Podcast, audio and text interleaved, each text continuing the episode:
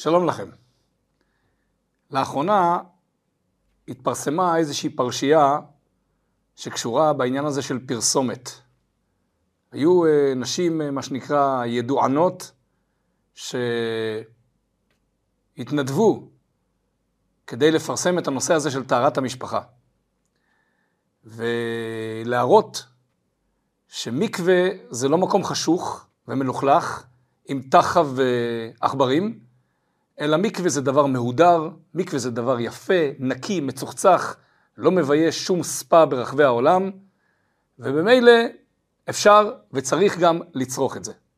וכמובן נהיה רעש תקשורתי סביב העניין הזה, הם קיבלו כסף, הם לא קיבלו כסף. בואו נחשוב מה יש לפרשת השבוע, פרשת מטות, להגיד גם על הדבר הזה.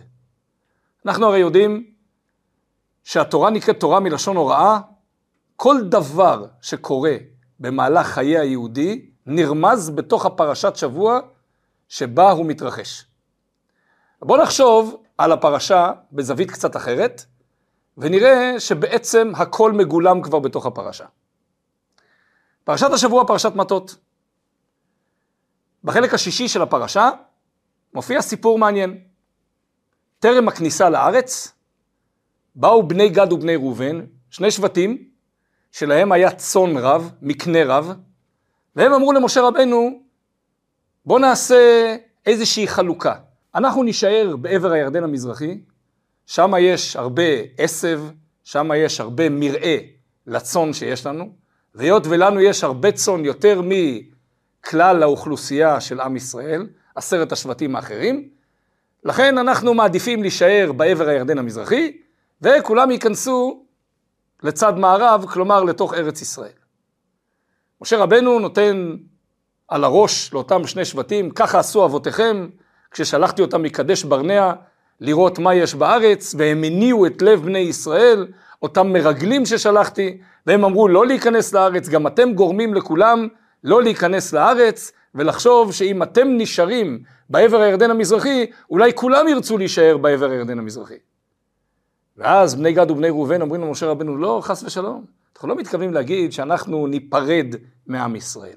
אנחנו נחלץ חושים, אנחנו נצא למלחמה עם כל השבטים כדי לכבוש את הארץ. לא רק עם, אלא בראש כל השבטים כדי לכבוש את הארץ. אחרי שכולם יגמרו לכבוש את הארץ וינחלו בצד המערבי, אז אנחנו נחזור לנחלתנו בצד המזרחי. וכך היה, הם קיבלו את הצד המזרחי, ואכן יצאו למלחמה, ניצחו את המלחמה, בסופו של דבר כבשו יחד עם כלל ישראל את הצד המערבי, ואז חזרו למקומותיהם. עד כאן הסיפור המקראי, מתוך פרשת השבוע, פרשת מטות. מה לומדים מזה? מה אפשר ללמוד מזה בעבודת השם לא פעם ולא לפני שלושת אלפים שנה, אלא למעשה כדבר עכשווי היום. אז בואו נחשוב על החלוקה השבטית הזאת של שני שבטים בעבר הירדן המזרחי ועשרה שבטים בצד המערבי, בואו נחשוב עליהם לא כבני גד ובני ראובן מול כלל ישראל, אלא דבר ראשון כלומדי תורה מול כלל ישראל. למה לומדי תורה? כי כידוע, כבר מאז האבות, הבחירה של האבות הייתה לראות צאן, והבחירה היא לא בחירה סתמית כאיזשהו מקור לפרנסה, אלא כאידיאל. רועה צאן נותן לצאן שלו לראות, והוא פנוי. הוא פנוי, הוא יושב ולומד תורה. זאת המתמטיקה. בני גד ובני ראובן יש להם הרבה צאן, מזה הפרנסה שלהם, וממילא הם פנויים, הם פנויים ויושבים ולומדים תורה. כאן אומר משה רבינו, רגע, רגע, רגע, מה כאן הולך לקרות? אתם תהיו בצד אחד של הירדן, וכלל ישראל יהיו בצד השני של הירדן.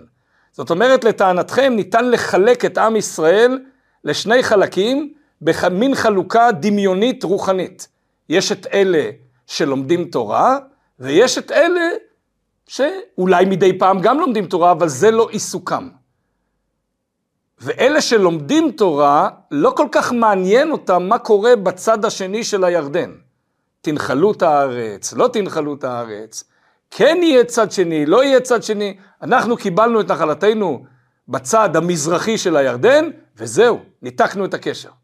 אומר משה רבינו בשום פנים ואופן, אני לא מסכים לחלוקה כזאת דמיונית של עם ישראל. עם ישראל הוא עם אחד, הוא עם שמחובר אחד בתוך השני. ואני לא מסכים לתת לכם נחלה בעבר הירדן המזרחי, ואתם תיפרדו מכלל ישראל. לא, לא, לא, לא, לא. אומרים בני גד ובני ראובן למשה רבינו. אנחנו לא התכוונו לזה, אנחנו התכוונו, אנחנו נעזור, נחלץ חושים, אנחנו נתמסר עבור כלל ישראל, רק שפיזית אנחנו נגור בעבר הירדן המזרחי. אוקיי, אומר משה רבינו, עכשיו אני שומע משהו אחר. זאת אומרת, אתם מעורבים, אתם אכפת לכם, מעניין אתכם, אתם מוכנים למסור את הנפש ולצאת למלחמה שהיא לכאורה לא מלחמה שלכם, מלחמה של שבטים אחרים, כיבוש של נחלה של שבטים אחרים, אבל אתם מוכנים להתמסר על מנת ששבטים אחרים יקבלו את הנחלה. אוקיי, כאן אני שומע משהו אחר. כאן אני שומע אחדות, כאן אני שומע עם, כאן אני שומע לא סתם קבוצות נפרדות שבאופן אה, מקרי חיות באותו מקום, אלא עם אחד, עם שמגובש, עם שמוכן להתמסר אחד עבור השני. לזה אני כן מסכים. מעבר לחלוקה הזאת של לומדי תורה וחלוקה של אה, אנשים שלאו דווקא שלימוד התורה הוא עיסוקם או עיסוקם היחיד, יש כאן גם עוד עניין. למעשה הפתרון של הבעיה שלי נמצאת בכיס של הזולת. נכון שכל אחד אחראי למעשיו, אבל אם כל אחד יחשוב רק על הדלת אמות שלו, ורק על הסביבה הפרטית שלו, ולא תהיה אינטגרציה ושילוב של כלל ישראל, אז למעשה אנחנו לא באמת מגיעים לפתרון האמיתי. מה אומר משה רבינו בצורה פנימית? עם ישראל זה עם אחד. וכשאתה פונה לקדוש ברוך הוא ואומר, ריבונו של עולם, לי יש בעיה, אני רוצה X, Y, Z, אני צריך רפואה, אני צריך פרנסה, אני צריך ישועה לילדים, אני צריך כל דבר. ואתה מתפלל לקדוש ברוך הוא מתוך הלב, ברפאנו ב-18, בברך עלינו, בשמה קולנו, ואתה באמת באמת מבקש מהקדוש ברוך הוא מכל הלב ישועה בדבר הפרטי. לפעמים הפתרון לישועה הזאת נמצא בעזרה לזולת. מכיוון שכולנו בנים של הקדוש ברוך הוא, והקדוש ברוך הוא מצפה שילד יעזור לחברו, אז התשובה לבקשה הזאת שלך, הבקשה הפרטית שלך מהקדוש ברוך הוא, לפעמים נעוצה בלעזור לשני, בלהתקרב לשני, בלחפש את טובת הזולת. מה הקשר בין הדברים? הרי אני מבקש מהקדוש ברוך הוא, יש לי ערוץ תקשורת אינטימי משלי לקדוש ברוך הוא. מה כאן מעורב עוד מישהו? התשובה היא לא.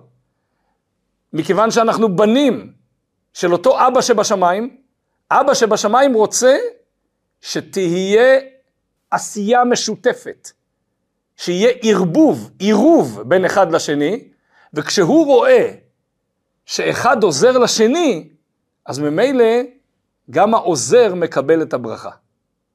ברכנו אבינו, מתי? כאשר כולנו כאחד, ככה לשון בתפילה. ברכנו אבינו, כולנו כאחד באור פניך. מתי תברך אותנו? כשאנחנו נהיה כולנו כאחד. זאת אומרת, לבקש מהקדוש ברוך הוא זה נכון, צריך להתפלל, לבקש, מכל הלב. אבל אחר כך מה? ביקשת, התפללת. חמש דקות אחרי זה בא מישהו ומבקש טובה. אז לכאורה זה מנותק. לא קשור. אני ביקשתי מהקדוש ברוך הוא, אני רוצה שהקדוש ברוך הוא יענה לי. לפעמים התשובה נמצאת בכיס של השני. תעזור לו, תעזור לו כלכלית, תעזור לו חברתית, תשמע אותו, תן לו תשומת לב, תעשה משהו מעבר ליכולת שלך ולסטנדרטים שלך ולארבע אמות המוגדרים שלך, תצא מעצמך, תיתן קצת יותר, ותראה שאתה מקבל ישועה מהקדוש ברוך הוא, כי הקדוש ברוך הוא שש ושמח מזה שילדיו חיים בשלווה, בנחת, בקירוב אחד לשני. זה הסיפור של בני גד ובני ראובן. אומר משה רבינו, זה לא סיפור מקומי של מה שקורה לפני הכניסה לארץ ישראל. זה סיפור גדול. זה סיפור שאם אתה באמת רוצה נחלה בעבר הירדן, אני רוצה לשמוע ממך שאתה מבין שאתה חלק מכל הקהל. כי התשובה לבקשה שלך נמצאת אצלם, נמצאת אצל השני. וזה מחזיר אותנו לסיפור החדשותי שהתחלנו איתו. בעצם בוא נחשוב קצת לעומק. מה רוצה, נקרא לזה התקשורת, או מה רוצים אנשים שבאמת לא מבינים ו- וחיים באיזה סטיגמה של פעם. מקווה אמור להישאר דבר חשוך, דבר מסריח, סליחה על הביטוי, דבר אה, מרוחק, דבר מיושן, דבר שלא משתמשים בו, דבר שאם יש מישהו שמשתמש בו, הוא נמצא בבני ברק או במאה שערים, או בכל מיני מקומות אה, מוגדרים כאלה של הציבור החרדי. אבל כשבאות נשים, שהן אה, נשים אה, שכולם מכירים אותן, הן לא מוגדרות נשים דתיות, והן אומרות, אנחנו צורכות מקווה במסגרת טהרת המשפחה. וכן, זה מקום יפה וזה מקום מחודש ומקום עכשווי, וכל אחת יכולה להגיע עד כאן, אומרת התקשורת. מנסים כל מיני טריקים ושטיקים כדי ליצור מצב, אה, אתן מרוויחות כסף על הפרסומת הזאת וכל מיני כאלה דברים. והעיקר, לשמר חלוקה דמיונית. חלוקה שאומרת, יש כאלה שהולכות למקווה, והן שייכות לציבור מיושן ועתיק ו- ו- ו- וששייך לעבר, לימי הביניים, ויש אנשים של עכשיו, יש אנשים של עכשיו, יש נשים של עכשיו, הם נאורים, הם הרבה יותר uh, מבינים, הם uh, מעבר לכל החשיבה הגלותית הזאת. לא נכון, לא נכון. זאת החשיבה של עם ישראל מדורי דורות. ואם אנחנו נלך אחורה בכל משפחה, אנחנו נמצא שכך חשבה הסבתא וכך חשבה אימא של הסבתא מדורי דורות. ואנחנו לא המצאנו את הגלגל. אז להציג את המקווה כדבר מיושן, הוא לא מיושן, הוא עכשווי, הוא של עכשיו. לא, אבל הוא מלוכלך. לא, הוא לא מלוכלך, הוא הכי יפה שיש. הוא הכי טהור שיש. הוא הכי נוצץ שיש. הוא לא מתבייש ולא אה, נופל בערכו משום אה, סאונה הכי פורחת והכי מפותחת ברחבי אירופה או אמריקה או כל מקום שהוא.